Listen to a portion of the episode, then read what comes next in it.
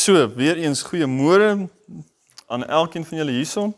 Ons ehm um, vertrou dat elkeen van julle vanoggend bemoedig sal wees en dat die Here by elkeen van julle sal stil staan en dat as julle hier uitgaan die wêreld anders te gaan lyk. Dis my begeerte. En dat wanneer julle hierso wegbeweeg dat julle een naam sal onthou, dis die naam van Jesus. En dat die Here vir jou vandag werklik sal word meer as wat hy was gister. Dat jy nie by by mekaar sal kom en dit net 'n sosiale byeenkoms sal wees nie. Ons is geroep as kinders van die lewende God. En Johannes kom en hy sê ons weet nog nie wat ons sal wees nie. Ek meen, kan julle dit aan dit dink vir 'n oomblik? Ons weet nog nie die omvang van wat die Here gedoen het vir ons aan die kruis nie. Maar meer as dit, ons besef nog nie die omvang van wat hy wil doen deur ons op aarde nie. Hoe hy sy koninkryk hier wil manifesteer. So ek wil graag hê dat ons moet blaai na Openbaring 2 vers 4 toe. En ek wil vandag so die van julle wat julle Bybels gebring het. Ons kom kerk toe met 'n Bybel. As jy nie het nie, laat my weet, ons kan jou help. En ehm um, ek verkies die die nie digitale weergawe wat iemand papier het. Hy werk beter as die digitale een. Hoekom? Die digitale een terwyl jy besig is, dan kom al WhatsApp en SMS en YouTube en al die goed so ons ons gaan na die die ou manier. Kan ek dit sien wie die Bybel se bring? OK. OK, ek sal jou aanraai volgende Sondag, ek is weer hier, die Bybel saam te bring. OK. Dis uh dis jou swaard. Ek lees van ons Openbaring 2 vers vers 4. Kom ek gee 'n bietjie agtergrond hier. Openbaring 2 vers 1 tot vers 7 is geskryf aan die gemeente van Efese. Efese is deur Paulus gestig in Handelinge 19 en Efese word toe die groot sentrum van Nuwe Testamentiese evangelisasie in wat vandag moderne Turkye is. Daai jare se Asië. En Paulus bly daar seker die langste van al die gemeentes En hierdie ouens beleef dinge wat ons begeer om te beleef. Die krag van God in ons midde. Dat 'n sakdoek van Paulus afgehaal word, op iemand gesit word en hy word genees. Kan jy net dink as jy dit nou sou sien? Daar gaan 'n sakdoek, hier's 'n ou met kanker, daar's hy genees. Daar's iemand besete met demone of daar's iemand wat verdruk is deur demone en die sakdoek gaan op daai persoon en die skrif sê vir ons, daai persoon is bevry van demone. En Paulus leer daar vir 2 jaar lank, amper elke dag. En Efese word toe hierdie groot as ons dit kan gebruik die term mega kerk in die eerste eeu. Mega in terme van hulle impak en hulle invloed vir die evangelie wat sê dat die hele Asië is bedien met die woord van die Here. Dit is belangrik dat ons daai weet want hierdie is 'n 'n kerk wat bekend was met die krag van God, bekend was met die Heilige Gees bekend was om uit te gaan vir die evangelie. Dit was nie net 'n een keer 'n week byeenkoms nie. Hulle agenda was die koninkryk. En dit was dan so gesien in wat hulle gedoen het. Maar jare later kom Johannes, die geliefde apostel, en Maria, die ma van Jesus en hulle word toe soos 'n herdersgroep daarso. Johannes die hoofapostel en Maria daar en ek meen ek kan dink hoe lekker gesprekke gaan dit wees vir hierdie mense wat nou heidene is wat op bekering kom en hulle kan met Maria praat oor Jesus en Johannes en hierdie mense is vurig maar Openbaring 2 is geskryf plus minus hier 90 na Christus. En Johannes is op die eiland Patmos en Jesus verskyn aan hom en hy het al hierdie openbarings en visioene en wat gebeur? Jesus sê skryf hierdie brief aan Efese. OK, Johannes het 'n idee wie hierdie mense want hy was hulle hoof leier, hulle herder vir baie jare. En wat sê Jesus? Hy sê vers 1: Skryf van die engel, kan wees die boodskapper Angelos, dalk die pastoor van die gemeente in Efese. Dit sê hy wat die sewe sterre in sy regterhand hou, wat wandel tussen die sewe goue kandelaars. Ek ken jou werke en jou arbeid en jou lydsaamheid En dat jy slegte mense nie kan verdra nie. Ons moet dit bietjie meer terugbring in die kerk. Slegte mense gaan ons nie meer verdra nie. En dat jy die op die proef gestel het wat sê dat hulle apostels is en dit nie is nie. So hierdie mense het 'n vorm van waaksaamheid. Hulle is bewus wat aangaan en hulle sê nee, ons ons soek nie 'n nagemaakte evangelie nie, 'n nagemaakte salwing nie. Ons soek die regte ding. Ek dink daar's vandag in die kerk mense wat begin sê ons soek die egte ding. Ons soek ons soek Jesus werklik nie Jesus net in 'n boek nie. Ons soek Jesus vir myself. Ek wil nie net meer ander mense se stories hoor nie. Ek wil my eie storie hê. Maar meer as dit en hulle leenaars bevind het en dat jy verdraam het en lydsaamheid besit, volharding en terwyl vir my naam gearbei en nie moeg geword het nie. Hierdie is dalk 50, 60 jaar. Hierdie gemeente is dalk 50 of 60 jaar oud. En hierdie mense is nog steeds aan die brand, hulle is nog steeds toegewyd. Hulle is waaksaam, maar hier is 'n probleem. Vers 4. Maar ek het teen jou dat jy jou eerste liefde verlaat het. Ek het teen jou dat jy jou eerste liefde verlaat het. Wat op aarde kan dit wees? Kan dit wees dat jy vir 10, 20, 30 jaar getroud is en getrou bly aan jou huweliksmaat, maar na 10 of 20 of 30 jaar is jou eerste liefde al lankal weg? Al is nog getrou aan hierdie ooreenkoms en aan hierdie persoon. Jy maak vir die persoon koffie in die oggend.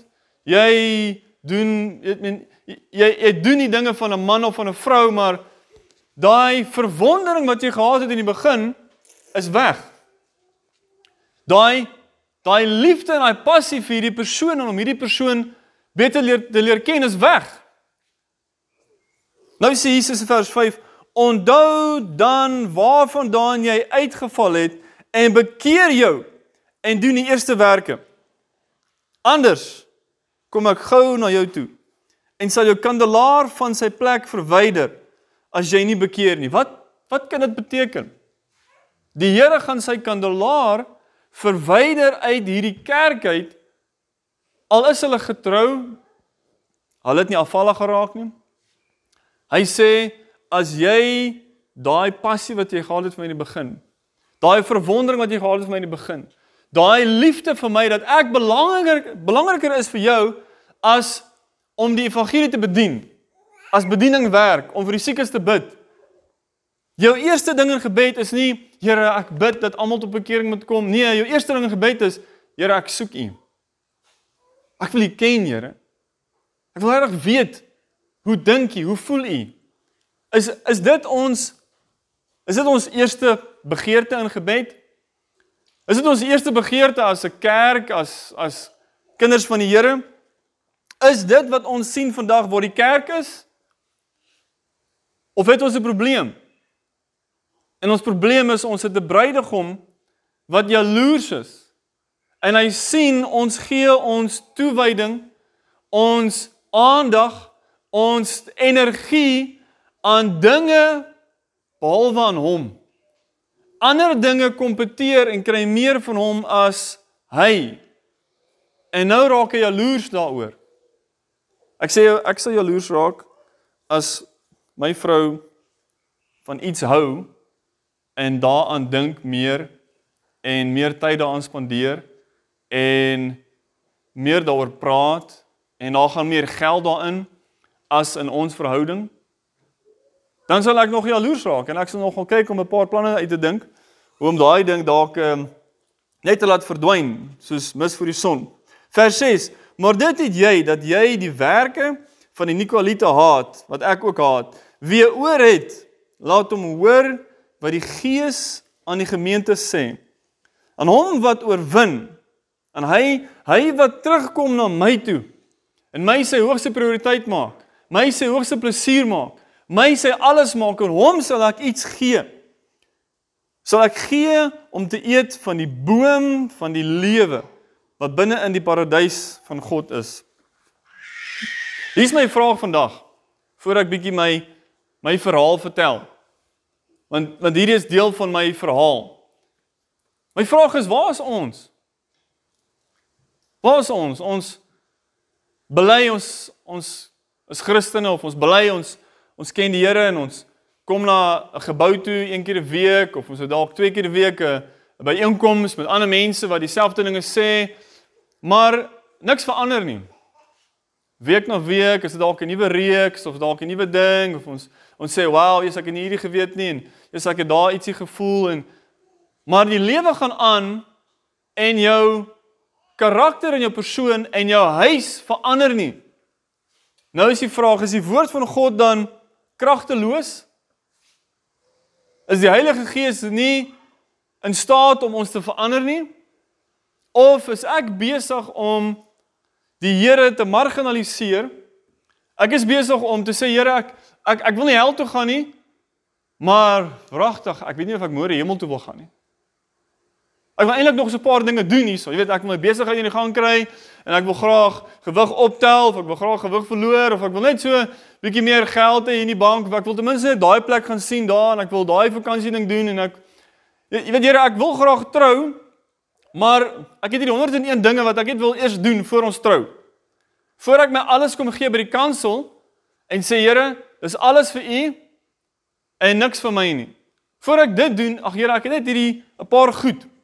Wat dan gebeur is die dag as jy Jesus bely, is dit eintlik Here, ek is bereid om nie hel toe te gaan nie as ek hierdie gebedjie sê, maar ehm um, ek sal een keer 'n week bymekaar kom dalk twee keer 'n week en en maar wragtig Here, kyk as maandagooggend die klok slaan, dan uh ek het besigheid en ek moet hierdie doen, ek moet daai doen en jy weet jy weet uh werk betaal die rekeninge en so uh, jy weet as dit nou kom tussen my besigheid en die Here, dan nee, die Here weet, jy weet die Here sal verstaan.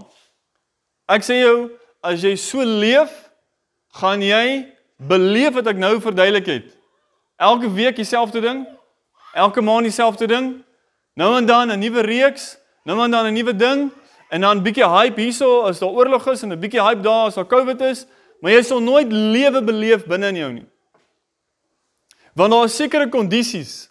Die Here sê ek sal alles van my gee as jy alles van jou gee. As jy 10% van jou wil gee, dan sal ek 10% van my gee. As jy 20% gee, dan sal ek 20% sê Jakobus 4 vers 6 sê Hy, kom ons lees dit sommer gou voordat ek dit dalk verkeerd aanhaal. En dan dan haal iemand my aan en dan is dit verkeerd. Jakobus 4 sê dit so mooi. Vers 8. Nader tot God en hy sal tot julle nader. Reinig die hande, julle sondaars, en suiwer die harte, julle dubbelhartiges. Die mate wat jy na die Here toe gaan, en hom soek, sal die mate wees wat die Here homself aan jou openbaar.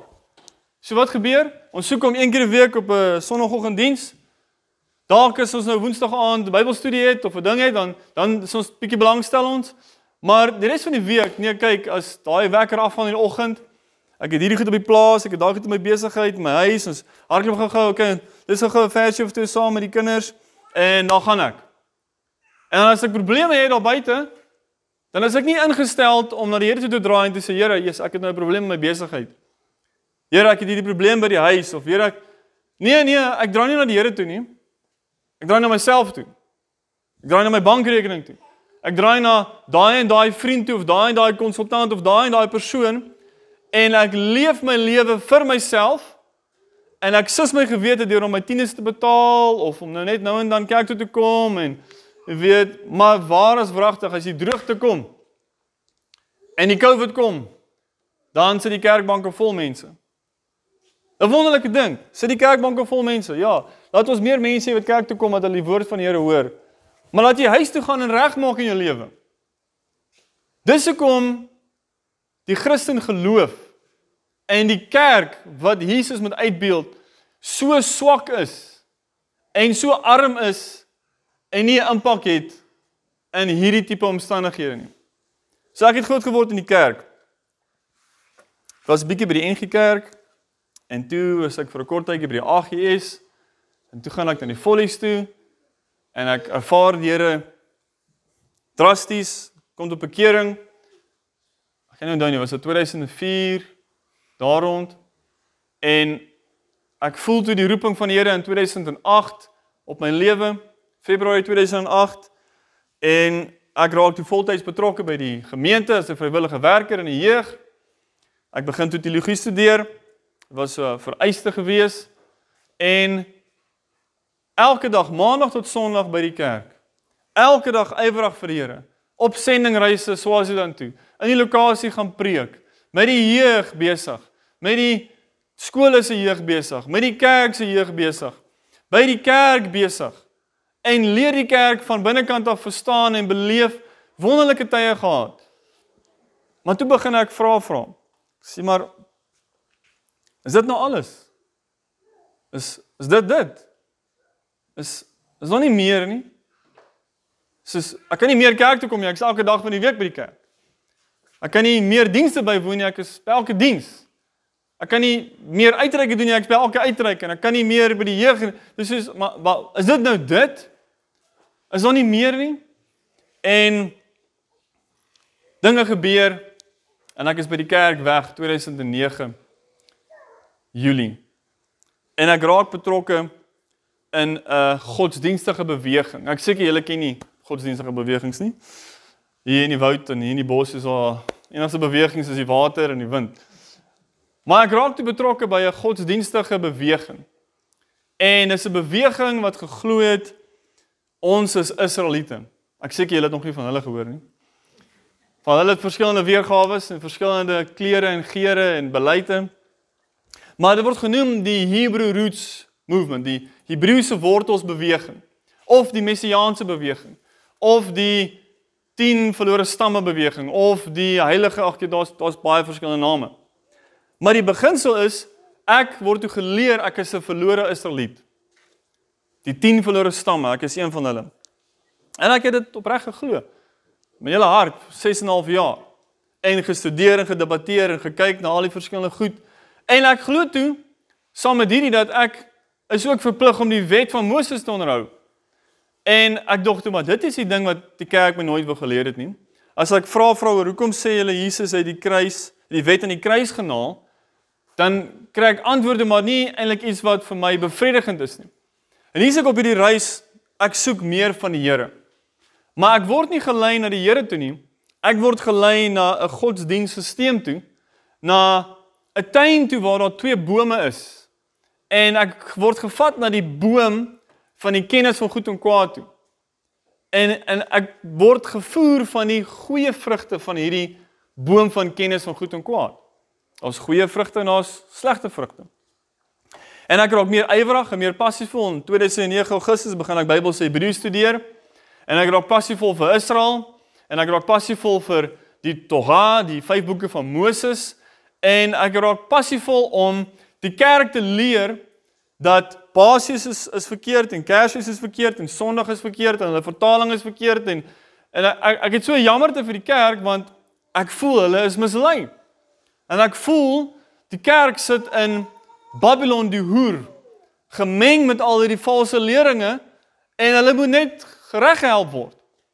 Maar hoe meer ek met die kerkmense praat, hoe meer kom ek agter hulle wil nie hoor nie. En van hulle kom uit die kerk uit en van hulle begin saam met ons studeer en leer die feeste van die Here en Bybelse feeste en die Bybelse agtergrond en ek gaan toe Israel toe 2010. Ek ontmoet toe my lieflike vrou daar op 'n toer Sy was nie Israelie nie. Sy is nie Israelie nie, maar sy het op dieselfde toer gegaan. En 'n lieflike belewenis, gevoel asof ek weer van voor af weergebore word met hierdie nuwe perspektief, hierdie nuwe verstaan. Die hele Bybel het anders te begin lyk. En in hierdie proses begin ek Bybelse Bybelse Hebreë studeer by die Universiteit van Johannesburg. Ek begin Bybelse Hebreëse klasse aanbied sover as wat my kar kon ry. Hier naby julle is Pietersburg. Of is dit is dit naby? Ek is nie seker nie. Is dit so eentjie? Dis so 200 300 km seker. Pietersburg, Johannesburg, Pretoria, Kempton Park, Springs, Vanderbijl Park, Witbank, Rustenburg. Oral so is ons mense wat hulle sê maar almal is in kerke. Meeste van die mense is in kerke, maar hulle voel daar's 'n liefde vir Israel en hulle wil graag Hebreëus leer. En saam met dit leer ek hulle sommer dat hulle Israeliete is en dat hulle die wet moet onderhou en hulle is baie gretig om te verander en hulle wil iets doen om meer van die Here te beleef. So in hierdie proses raak ons betrokke by 'n gemeente in, in van Nabyl Park. Dit is 'n messiaanse gemeente en ons raak deel van die leierskap en deel van ehm um, die bedieningsspan en ons raak toe nog meer ywerig vir die woord van die Here en vir die wet van Moses as voorheen. En ons het 'n 'n passievolle leier daar en ons begin preek 2014 vanaf Januarie dat ons as ons sê ons is hierdie 10 verlore stamme, ons is Israeliete in vlees en bloed, dan hoekom gaan ons nie terug Israel toe nie? En ons begin die mense in die gemeente elke Saterdag na Saterdag leer ons moet terug aan Israel toe. Want ons is Israeliete, ons het die mansaal gekry om te besny en ons het nou al begin Hebreëse goed doen en ons het nou al 'n boekrol en en ons voel regtig ons moet 'n sinagoge diens hê want jy sien die, die disippels was was Jode en hulle het sinagoges gehad. Hulle het nie kerke gehad op Sondag nie. En al hierdie dinge het gekom uit 'n opregte honger en opregte soeke na meer van die Here. En jy sien as ons dalk net ons verstaan kan regkry soos die Jode. En ons het 'n Hebreëse perspektief, dan gaan ons meer van die Heilige Gees beleef, meer van die Here beleef. En dan kom ons op die regte dag bymekaar kom en die regte vertaling lees en die regte Hebreëus gebruik, dan gaan ons dalk meer van die Here beleef. Dis dis my begeerte gewees. Dis hoekom ek hierdie dinge gedoen het. En hoe meer ek hierdie dinge doen, hoe meer begin die teenoorgestelde plaasvind. En stelselmatig begin ek 'n fariseer word. Stelselmatig begin kritiek wortel skiet in jou hart. En jy kritiseer en kritiseer elke kerk en elke ding wat nie lyk soos wat jy oortuig is nie. En ons is vurig en elke Saterdag leer ons die mense. En naderhand besef ons okay, maar ons moet nou verby lering kom. Ons moet nou kom by iets doen. En ons beplan toe 'n 10 dag spioneringstoer in Israel in vier van ons leierskap. En ons sit en ons beplan by wie gaan ons praat en hoe gaan ons maak? En ons gaan Israel toe 2014 Augustus vir 10 dae om met ortodokse rabbies te praat, met verskillende mense, verskillende organisasies te praat. Hoe kan ons ons hele gemeenskap terugvat Israel toe en 'n burgerskap kry in Israel want ons is oortuig Hierdie is 'n eindtyd profesie. Ons moet een word met met Israel. Ons verlore Israeliete moet een word met die Israeliete wat nou in Israel is. En ons gaan Israel toe.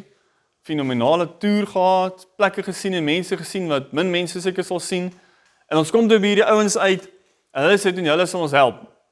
Maar hulle is ortodokse Jode en hulle het 'n ortodokse rabbi. Hy het gesê hy sal ons help om terug te gaan Israel toe as ons bereid is om te convert in ortodokse Judaïsme. Nou dink jy te sien, wie weet wat is ortodokse Judaïsme? So 1 2 3. Okay, so min mense weet. Okay, so dis 'n baie streng ehm um, deel van Judaïsme. Die mans dra net swart en wit klere. Die vrouens moet rokke dra. Hulle dra nie broeke nie. Hulle dra ook iets op hulle kop en ehm um, Dis 'n 'n streng uh kan ek sê nabye gemeenskap. Elke oggend 5uur is die mans in die sinagoge besig om te bid en daar is spesifieke gebede. Jy moet as jy wil convert, moet jy na 'n Joodse gemeenskap toe gaan en jy moet ten minste daar bly vir 2 tot 3 jaar in die gemeenskap, deel van die gemeenskap word en wanneer die rabbi dan sê jy is nou, jy het nou geslaag, jy het nou genoeg verander en jy is nou 'n Jood, dan gee hulle vir jou 'n sertifikaat. Jy kry 'n nuwe naam, 'n nuwe ID en dan het jy toegang Israel toe met voordele in Israel. So ons het gedink ek hier is dalk een opsie. Ons gaan na al die ander mense toe en ons besef toe o, God, nee. Al die ander opsies is baie moeiliker. Hierdie enetjie klink die maklikste. Ons wil nie ons wil nie Jode word nie want ons dink nie ons is Jode nie. Ons dink ons is hierdie ander Israeliete, die ander 10 stamme. En die Jode wat nou in Israel is, dink ons is net twee stamme. Maar hulle dink nie so nie. So ons ons moet nou inval met hulle planne basies om daar te kan kom. Lang storie kort te maak. Daai is 'n lang storie. So is 'n storie vir dalk hierdie week of 'n ander dag. Ons kom terug En uh ietsie wat die rabbi gesê het daar in in Israel. Hy het gesê, "Oké, okay, op een voorwaarde, as julle hierdie ding wil doen, ons gaan julle lei, ons gaan julle mentors wees en ons sal julle leer hoe julle moet praat met die ouens in Suid-Afrika. Maar ons gaan julle help dat julle hierdie ding doen sonder dat julle Yeshua hoef te verloon. Yeshua is Jesus se Hebreëse naam. Maar jy moet vir hulle sê jy haat Jesus. Jesus is die Christen kerk Messias Christus, maar julle glo in 'n ander Christus. Julle glo in 'n Yeshua. Hy's anders as daai ou. En so jy moet 'n gesplete persoonlikheid in jou gedagtes vorm van wie Jesus is. Om erns in hierdie proses te begin en erns in die proses deur te gaan. Ons kom terug in groot bekleiereim. In Oktober 2014 is daar 'n kerk skering en die een groep sê ons wil Israel toe gaan, ons wil hierdie ding doen, ons wil die wet onderhou, die Torah, ons wil dit doen want ons is vurig en ywerig en julle wil kerk speel. Ons gaan julle los, dat julle kerk speel. Ons gaan al die pad. En ek sien toe in die kwessie van 5 maande 8 skerings plaasvind van 'n gemeente na daai groepie, na daai groepie, na die volgende groepie, na die volgende Elkeen wat weggebreek het, het net vir verder verskeer en verskeer en verskeer. En die wortel was die vlees en hoogmoed. En hierdie misleiding wat ingekom het. Ons sit op 'n kibbutz, op 'n plot wat ons 'n kibbutz gedoop het en ons het dit begin as 'n landbougemeenskap om basies self onderhoudend te word in Meyerton en ons het hoenders geboer, ons het groente geboer en ons wou daartoe begin met 'n tipe diensjaar vir jong mense en dit het toe ontwikkel van 'n diensjaar en 'n sendingstasie af net nou ons teruggekom het van Israel af na 'n conversion center toe. Almal wat wil convert in Israel toe gaan, kom hiertoe en ons gaan alle Christelike goederes verwyder en ons gaan die Joodse goed doen, ons gaan ons hande was op 'n sekere manier en ons gaan dinge sê en ons gaan dinge doen sodat ons kan lyk soos Jode sodat ons kan in Israel kom sodat ons kan hierdie profesie vervul in ons gedagtes. So bly die Here antwoord nie altyd jou gebede soos jy wat wil dit wou gehad het nie want as die Here my daai tyd geantwoord het soos wat ek wou gehad het sou ek nie hier gewees het vandag nie. En daai hele proses van hierdie plot en hierdie ding eindig toe na 6 maande in 'n groot flop. En ons gaan toe terug en ons begin toe weer 'n bediening met die vorige leiers wat weggebreek het. En daar doen ons dit nog erger. Ons is nog meer ortodoks, ons is nog meer vurig en dis soos jy nie jou kop genoeg gestamp nie, nou gaan jy jou kop weer stamp. Jy is nie genoeg om die berg nie, nou gaan jy weer om die berg gaan. Ek weet nie of julle dit al beleef het in nuwe lewe nie, maar mense verander nie. Ons doen dieselfde ding totdat die Here ons help. En 2015 is ons baie besig met baie dinge en ons is besig met hierdie lering dat ons moet terug aan Israel toe weer 'n keer. En die Here is ons genadig en barmhartig en hy los ons toe nie daar nie. En my tweede dogtertjie word gebore in November. Nee, September, verskoon my September 2015, die 22ste. En ek en my vrou begin 'n begin 'n risie ontstaan tussen ons twee in die huis. Want Die Here het met my skoonsis gepraat. En my vrou is nou 'n tweeling. En my skoonsis kom na my vrou toe en sy sê vir haar iets en my vrou besef toe vir daai oomblik dat ons is in 'n misleiding. Ons is in 'n in 'n ding, ons verstaan iets verkeerd hierso en daarom doen ons dinge verkeerd. En sy begin met my praat. En dit begin 'n konflik in ons huis soos wat ons nog nie beleef het nie. En elke nou en dan kom sy na my toe met 'n skrifgie uit Galasiërs uit en 'n skrifgie uit Romeine uit en dan sê ek van nee, my liefie, jy verstaan nie.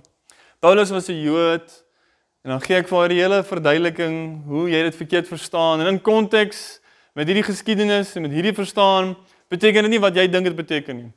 En dan gaan sy weer terug en dan kom sy weer terug en dan gaan sy En dan sê ek o, Here, kyk, hierdie kan nou nie so aangaan nie. Dit is nou rof hier so by ons huis. Ons Nou moet ek verskonings maak by die gemeente. En my vrou het net gekraam. So sy is bietjie moeg en sy herstel net. Dis hoekom sy nie diens toe kom op 'n Saterdag nie. Maar eintlik weet ek, sy dink ek is van die pad af. En dan kom ek by die huis en dan sê sy vir my, "Weet jy, jy is mislei." Dan dink ek, "Ag, weet jy. Nou gaan ek voor die mense staan en preek en my vrou by die huis sê vir my, weet jy, jy's van die pad af. En dink ek, wat op aarde gaan nie aan? En na 'n rukkie van heen en weer beklein stry in hierdie huis, sien ek iets verander. Ek dog toe daar's hy. Uiteindelik is hy by haar sinne gekom en sy begin hierdie hierdie olie uithaal. En sy olie my kantoor se deur en sy olie my tafel en sy olie my rekenaar en ek dink toe wat Jy kan maar olie soveel soos jy wil olie sussie. Jou oë gaan oopgaan, jy gaan terugkom na die waarheid toe. Dis wat ek gedink het. En sy olie wat jy kan olie en 'n vriend kom terug van van Zimbabwe af en hy bring hierdie hierdie sakdoekie. En ehm um, hy sê dit by 'n ou gekry daar en die ou het gesê hy's 'n profeet en dat die laaste persoon of hierdie sakdoekie gesit is is 'n 'n seentjie wat uit die doodheid lewendig geword het. En ek het niks van hierdie goed geweet nie. Maar hy gee dit vir haar en die Heilige Gees glo ek het my vrou gelei om hierdie sakdoekie binne in my kussingsloop te sit een aand. En ek gaan en ek gaan slaap. As ek reg onthou was dit November 2015. En vir die eerste keer in ek weet nie hoeveel jare kry ek 'n nagmerrie. En dit was 'n nagmerrie van nagmerries geweest. Ek droom ek is op 'n berg en aan die einde van hierdie droom is ek op hierdie berg en daar verskyn 'n groot laken in die lug. En dis soos 'n TV-skerm. En dan hierdie skerm is die duiwel se gesig. Ek het geweet dis die duiwel se gesig want hy hy was verwronge en horings en goed en jy kan voel iets nie lekker, iets nie lekker nie. En die duiwel sê vir my ek gaan jou wys hoeveel mag het ek. Ek dog wat op aarde gaan nou hier aan? En hy doen wonders en goeders en ek dink jy maak nie nodig om hierdie goed te sien nie. En ek wys my singe my vingers so vir hom en ek sê vir hom ek bestraf jou in die naam van Yeshua. Hy stop en hy kyk my so. Hy sê vir my jy kan my nie bestraf nie. Jy het oop deure in jou lewe. En hy vat sy hand, hy druk sy hand hierdie skerm en hy gryp my. En toe hy my gryp, skrik ek wakker in die bed en ek lê daar koud, nat gesweet en ek dink wat op aarde gaan nie aan.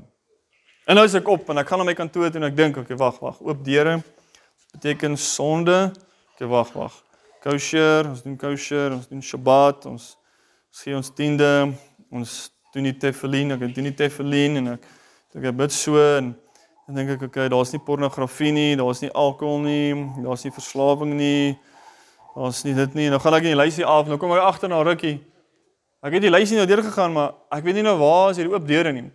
Hierdie het my geplaas seker vir so 'n week, twee weke. Nou kan ek nie uitfigure wat is dit nie. Twee weke is nou al verby. Ag, dalk was dit net te veel pizza gewees in die aand voor ek gaan slaap het of ek weet nie wat was dit nie. Maar hier begin die Here werk in my hart. En deur 'n proses van ek kan dit nie beskryf as as net bonatuurlik hoe die Here gekom het en laagie vir laagie my oë begin oopmaak het deur verskillende dinge te gebruik, 'n boek hier, 'n persoon daar, 'n belewenis hier. Sit ek op die einde 2015 Desember en ek lees 'n ding oor hierdie 10 verlore stamme en ek sê toe man, weet jy, ek het al hoeveel van hierdie goed gelees. As hierdie ouens enigiets te sê het wat Bybels is en hulle gebruik Bybelversies, dan stel ek belang om te lees, maar as dit net iemand se opinie is, dan stel ek nie belang nie. En ek maak hierdie ding oop en hier's vers op vers en Kronieke en Jesaja en Jeremia en ek dog Nee wag wag wag, ek gaan opsoek hierdie. Wag wag wag, dankie is Afrikaans verkeerd. Ek gaan soek hom op in die Hebreëus. En uh nou dink ek man, waar kom hierdie versie vandaan? En dan die volgende, die volgende, dink ek man, ek het hierdie goed al baie keer gelees. Waar kom hierdie versie vandaan? Sekerlik is hy nie daar gewees voorheen. Dan gaan kyk ek in Afrikaans. Nee, hy is in Afrikaans ook. En hier begin die Here my oë oopmaak en ek sê julle dis soos jy sit en jy besef My hele lewe, die laaste 6 en 'n half jaar was gebou op sand in plaas van klip. En letterlik Desember en Januarie het dit gevoel asof my hele die hele my hele lewe uitmekaar uitval. Hoe ek die Bybel verstaan het en ek besef toe ja vir 'n oomblik ek het vir hoeveel jare mense geleer. Ek het mense gesien saam met my uit die kerk het kom. Vierig vir Jesus.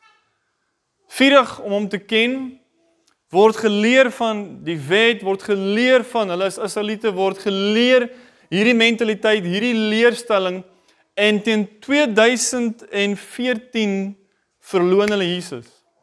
Om 'n braai praat ons en ons begin gesels en vra en eindig daai gesprek 2:00 die oggend met Jesus Christus is die valse ding wat die Katolieke Kerk opgemaak het en hulle glo glad nie meer nie.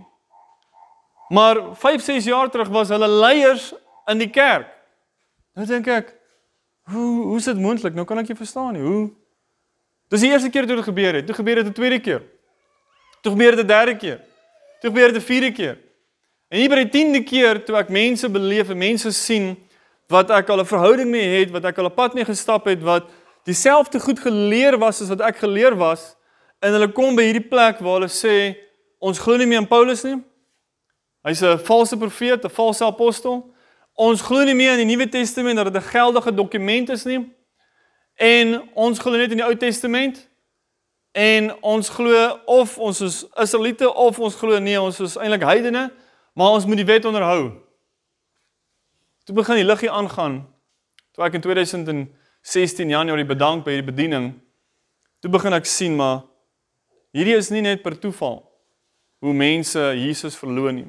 Hier is die mense wat verval het in drank en toe in buitehuwelikse verhoudings en toe hulle besigheid verloor het en toe ateëste geword het nie.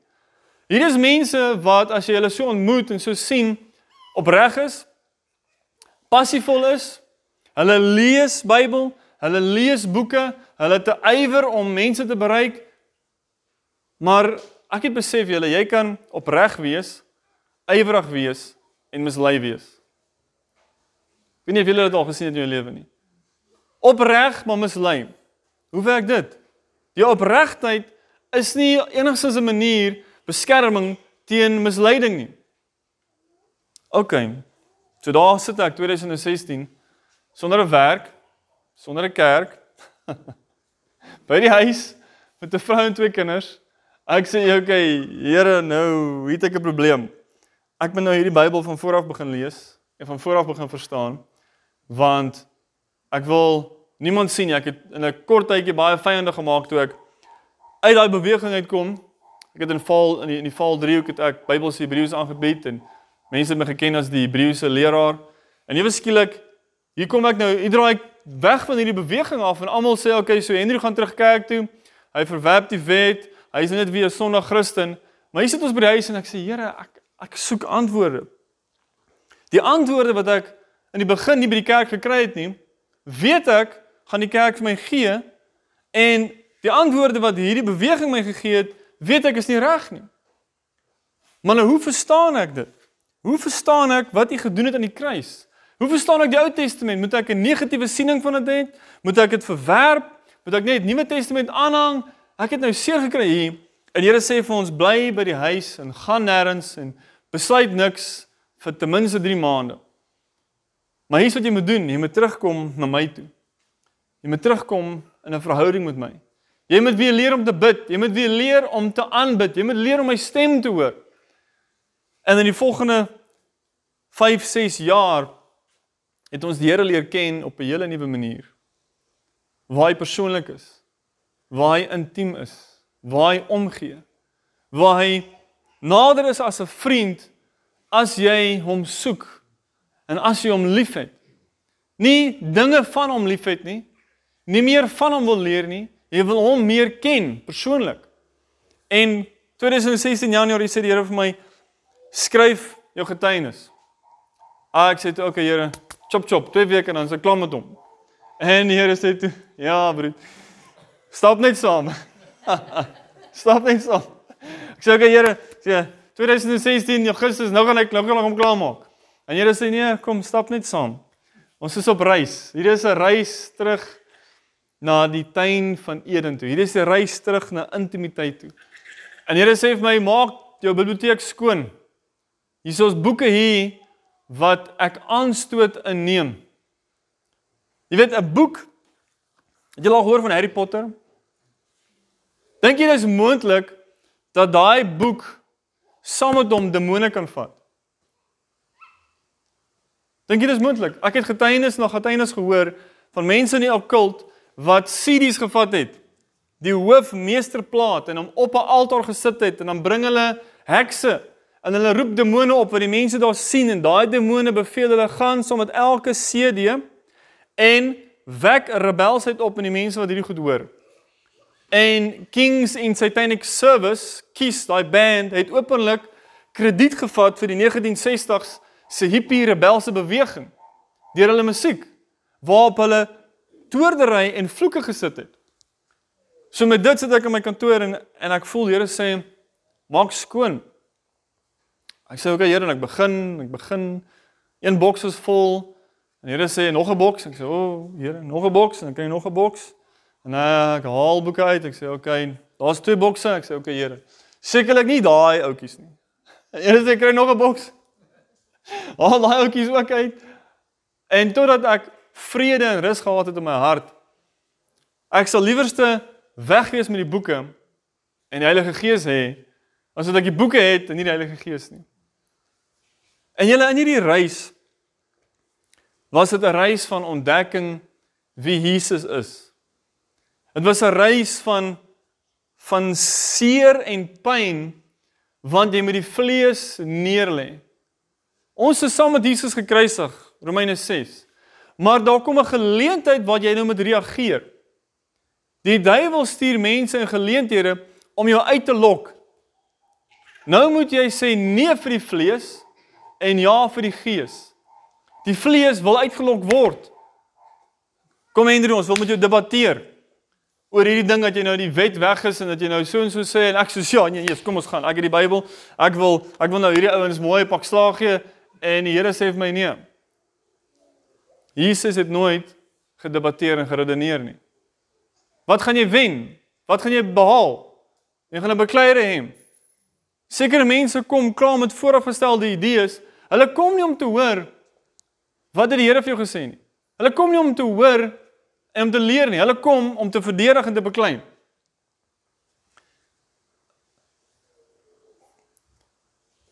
En ek sê Here, maar Daar's soveel dinge wat ek deurgegaan het. Hoe op aarde?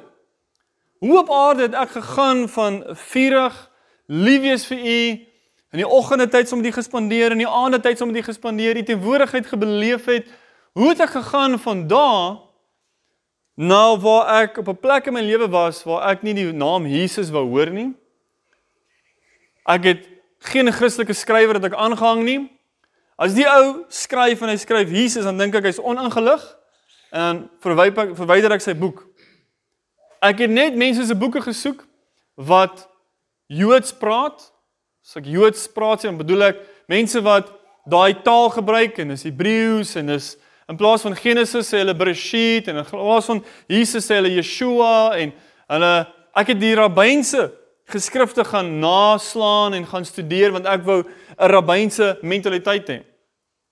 Ek sê Here, hoe het ek gekom van hierdie eenvoudige ou wat lief is vir u, groot geword in Barberton, na 'n ou wat amper konvert ortodokse judaïsme en in die proses al die ander vriende en mense. Hoe gebeur dit?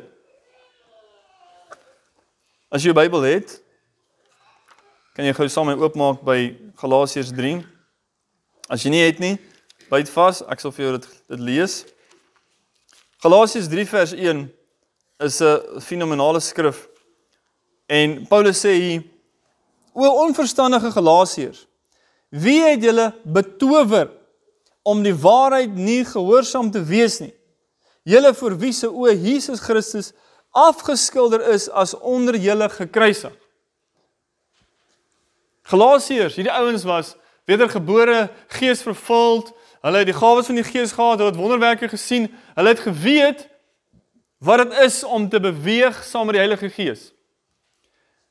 En hier kom ouens en ouens leer hulle julle Galasiërs as julle nou regtig deel van God se mense wil wees. As julle nou regtig God wil behaag en ons sien julle is ywerig en dit lyk asof julle regtig God wil behaag. Dan moet julle julle besny en die wet van Moses onderhou. Dis die storie van Galasiërs. En Paulus kom hier en hy sê wie het julle betower? baskaino in die Grieks. George sal my reg help as my uitspraak verkeerd is. Dit is wie het julle onder 'n vloek gesit? Wie het witchcraft 'n spel op jou gesit? Maar wag nou, wag nou. Daai woordjie baskaino kan ook vertaal word fascineer. Wat is dit om iemand te fascineer? Dis om in 'n oomblik jou aandag weg te vat van een plek en op hom op 'n ander plek te sit en om daar vas te hou. Ek fascineer jou. Ek doen iets en dan gryp ek jou aandag. Ek trek dit weg. En hier sê Paulus, iemand het julle aandag en jou toewyding en jou fokus weggevat van Jesus af en dit op hierdie ander ding gesit dat deur dit wat jy gaan doen, dink jy jy gaan aanvaarding kry by die Here. Jy dink as jy hierdie gebooie doen en daai nie doen nie, dat jy nou meer aanvaarding gaan hê by die Here. Selfgeregtigheid is 'n mooi groot term. Julle dit gebeur soos dit dat jou aandag van die Here af weggevat word. Jou fokus van Jesus af weggevat word stelselmatig As jy die een ding gesluk het, dan is jy reg vir die tweede ding. Jy sal nie spring in die tweede ding toe as jy nie die eerste een gesluk het eers nie. Daai visie moet eers ryk. Daar's ietsie interessants. Dan soek hy. Dan kom hy by die aas, dan proe hy en dan hap hy. En so wys die Here vir my. As jy nie 'n persoonlike verhouding met Jesus het nie, as jy hom nie ken en gefassineerd is oor wie hy is en hoe lief hy jou het nie en jy beleef nie hom in 'n persoonlike verhouding nie, wat gebeur? Jy is leeg in jou binneste. Jy het geen vervulling van hierdie lewe nie. Jy gaan deur die lewe en ander dinge begin jou aandag trek. Besigheid. Geld maak. Om dinge te beleef daar buite, om te gaan op toere, om nuwe mense te ontmoet, om mense in 'n hoë gesag te ontmoet, om meer gesag te kry, meer mag te kry. Al daai dinge vervul jou hart. Maar dit kan nooit jou hart versadig nie. En so as die meis vol is, is die meel bitter. As jy leeg is van intimiteit met Jesus, is jy kwesbaar om deur enige ding gefassineer te word. En die oomblik as jy gefassineer word, wat gebeur? Jy kan nie genoeg kry nie. Jy sit vas voor daai TV, voor daai movie, voor daai boeke, voor wat ook al. En dan begin daai jou stimuleer. Jy begin eet en jy soek meer en jy soek meer. En dan as jy meer kry van iets buite Jesus, weet jy wat gebeur? Jou verhouding met die Here raak gekompliseerd want jy raak onsensitief vir die Heilige Gees. Wanneer jy onsensitief raak vir die Heilige Gees, wat gebeur? Jy raak geestelik dood. Onsensitief. Daar kom 'n sluier oor jou gedagtes. En dan kom die duiwel en hy sê hierso is hy. Met redenasies, met leuns. En voor jy weer sien, ja, dalk is hierdie Jesus ding nou nie soos wat die kerk gesê het nie. Want jy sien, die kerk is vol nonsens. Daar's al hierdie probleme en ja, jy weet die kerkstelsel en hulle besigheid en hulle wil geld maak en hulle soek aanhangers en pastore wat jy weet verneek en goed so ja en, en dan begin 'n prentjie vir jou sin maak en dan loop jy weg van die Here af. En ek sê julle dit gebeur meer en meer en meer met opregte mense. Daarom sê die Here my en jou beskerming teen misleiding lê nie in hoeveel kennis jy het van die Bybel nie. Dit lê nie in hoeveel weet jy van die duiwelse dinge daar buite en hoe hy mense vang nie. My en jou beskerming en beskutting lê in een eenvoudige ding. Jy en ek moet Jesus vir onsself ken. Hy's 'n persoon. Hy het fisies gekom in vlees en bloed. Hy het opgestaan uit die dode uit en hy gaan fisies terugkom weer as 'n persoon in vlees en bloed. Op die wolke sê Matteus vir ons, elke oog gaan hom sien. So ek en jy kan 'n persoon persoonlik ken. En dit is ons uitdaging. Verhouding kos kwesbaarheid. Ek moet kwesbaar kan word wanneer ek myself ontbloot voor 'n ander persoon. En dan moet ek glo hierdie persoon is lief vir my. En ek moet leer om hierdie persoon se stem te hoor. En ek moet leer om net te doen dit wat die Here sê. Nie dit wat ek dink nie. Nie my eie inisiatief te volg nie. Ek moet leer om minder te doen en meer te luister. So ek wil vanoggend julle bemoedig met daai kort getuienis. Maar ek wil ook jou uitdaag. Ek wil jou uitdaag met die vraag: Waar is jou hart? Wat maak jou meer opgewonde? Die ding wat jou die meeste opgewonde maak, die ding waaroor jy die meeste praat, die ding waaraan jy die meeste tyd gee, die ding waaraan jy die meeste geld gee. As jy as ek vir 1 week in jou lewe kan kyk. Jy hoef nie vir my te sê wat jy glo nie. Ek sal kyk en sien waar jy jou tyd spandeer, waar jy jou geld spandeer. Dan gaan ek vir jou sê of Jesus jou eerste liefde is of nie. Ja. Dis baie eenvoudig. Niemand van ons sal belê in 'n besigheid wat gaan vou nie. Maar dan kom Jesus en hy sê belê in die ewigheid. OK. Hoe werk dit? Belê jou tyd, Jesaja 55. Belê jou tyd. Ek en jy het dieselfde hoeveelheid tyd. Hoeveel tyd spandeer ek en jy by die voete van die Here? Nie in Bybelleesprogramme nie. Nie in Bybelstudie nie. Daai dinge kan goed wees wanneer dit geïnspireer is deur die Heilige Gees. Jy en ek ons tyd saam met Jesus. So ek ek wil julle uitdaag met dit en julle bemoedig. I'm a satisfied customer. As ek daai term kan gebruik. Jesus is 'n werklikheid. Die Heilige Gees is 'n werklikheid. Die Heilige Gees en Jesus wil 'n verhouding met jou en my hê meer as wat ons 'n verhouding met hom wil hê. En hy is baie meer lankmoedig met ons as wat ons met mekaar is. En so al wat hy soek is kom. Al wat hy soek is kom. Maak tyd vir hom. As jy vir die Here kan wys jy stel belang in hom. Weet jy wat? Ek sê jou waarborg. Die Here gaan wys hy stel belang in jou. So kom ons staan op. Ek wil vir ons afsluit in gebed. En wil hê julle moet aan hierdie dinge dink hierdie week. Ons is nog hier vir hierdie week. En ehm um, ons sal hoor wat sê die Here vir Sondag wat kom. Maar my begeerte is wanneer ons hier weggaan dat die geur van die Heilige Gees hier sal agterbly in julle harte. Dat in jou hart as jy nie 'n passie gehad het nie, jy 'n passie sal hê vir Jesus. Dalk moet jy 'n nagmerrie kry.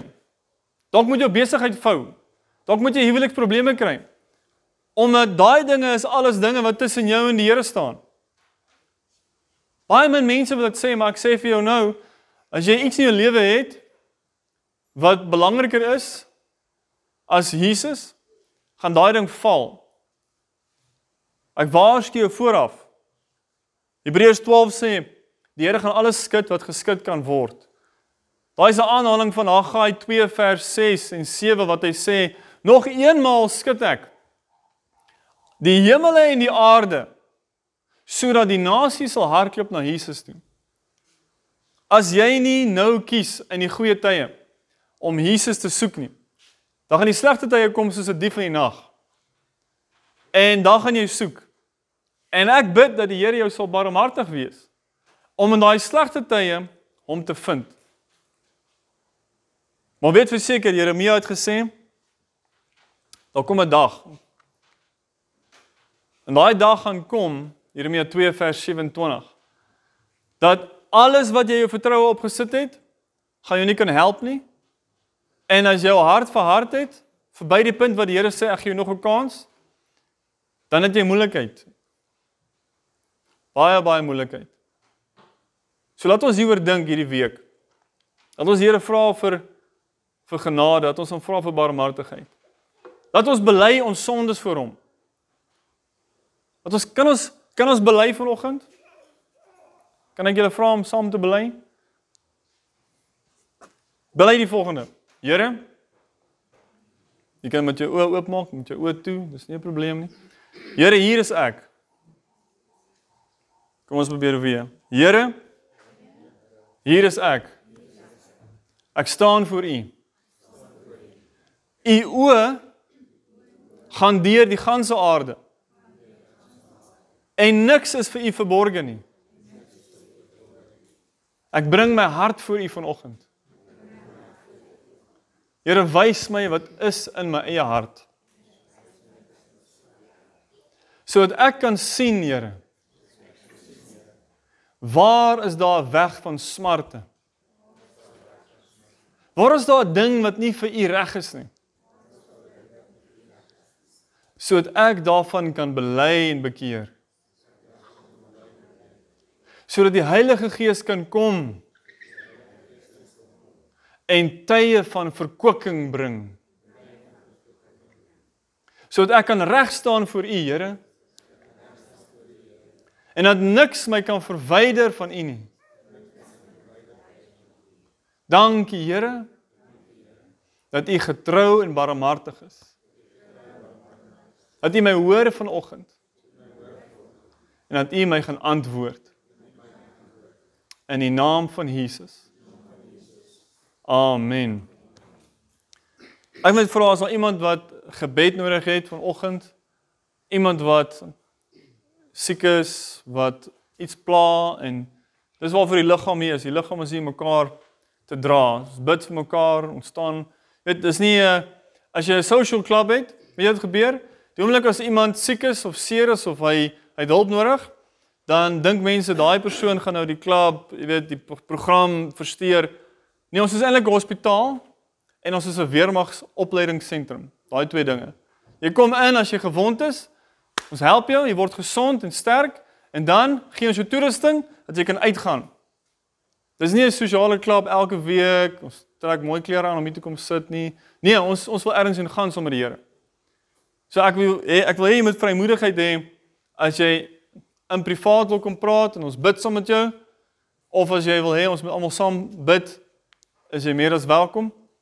Andersins prys die Here, dankie vir die geleentheid en ek glo die Here gaan 'n wonderlike ding doen hierso in Mariepskop. So om Derek wil iets sê? Ja, kom ons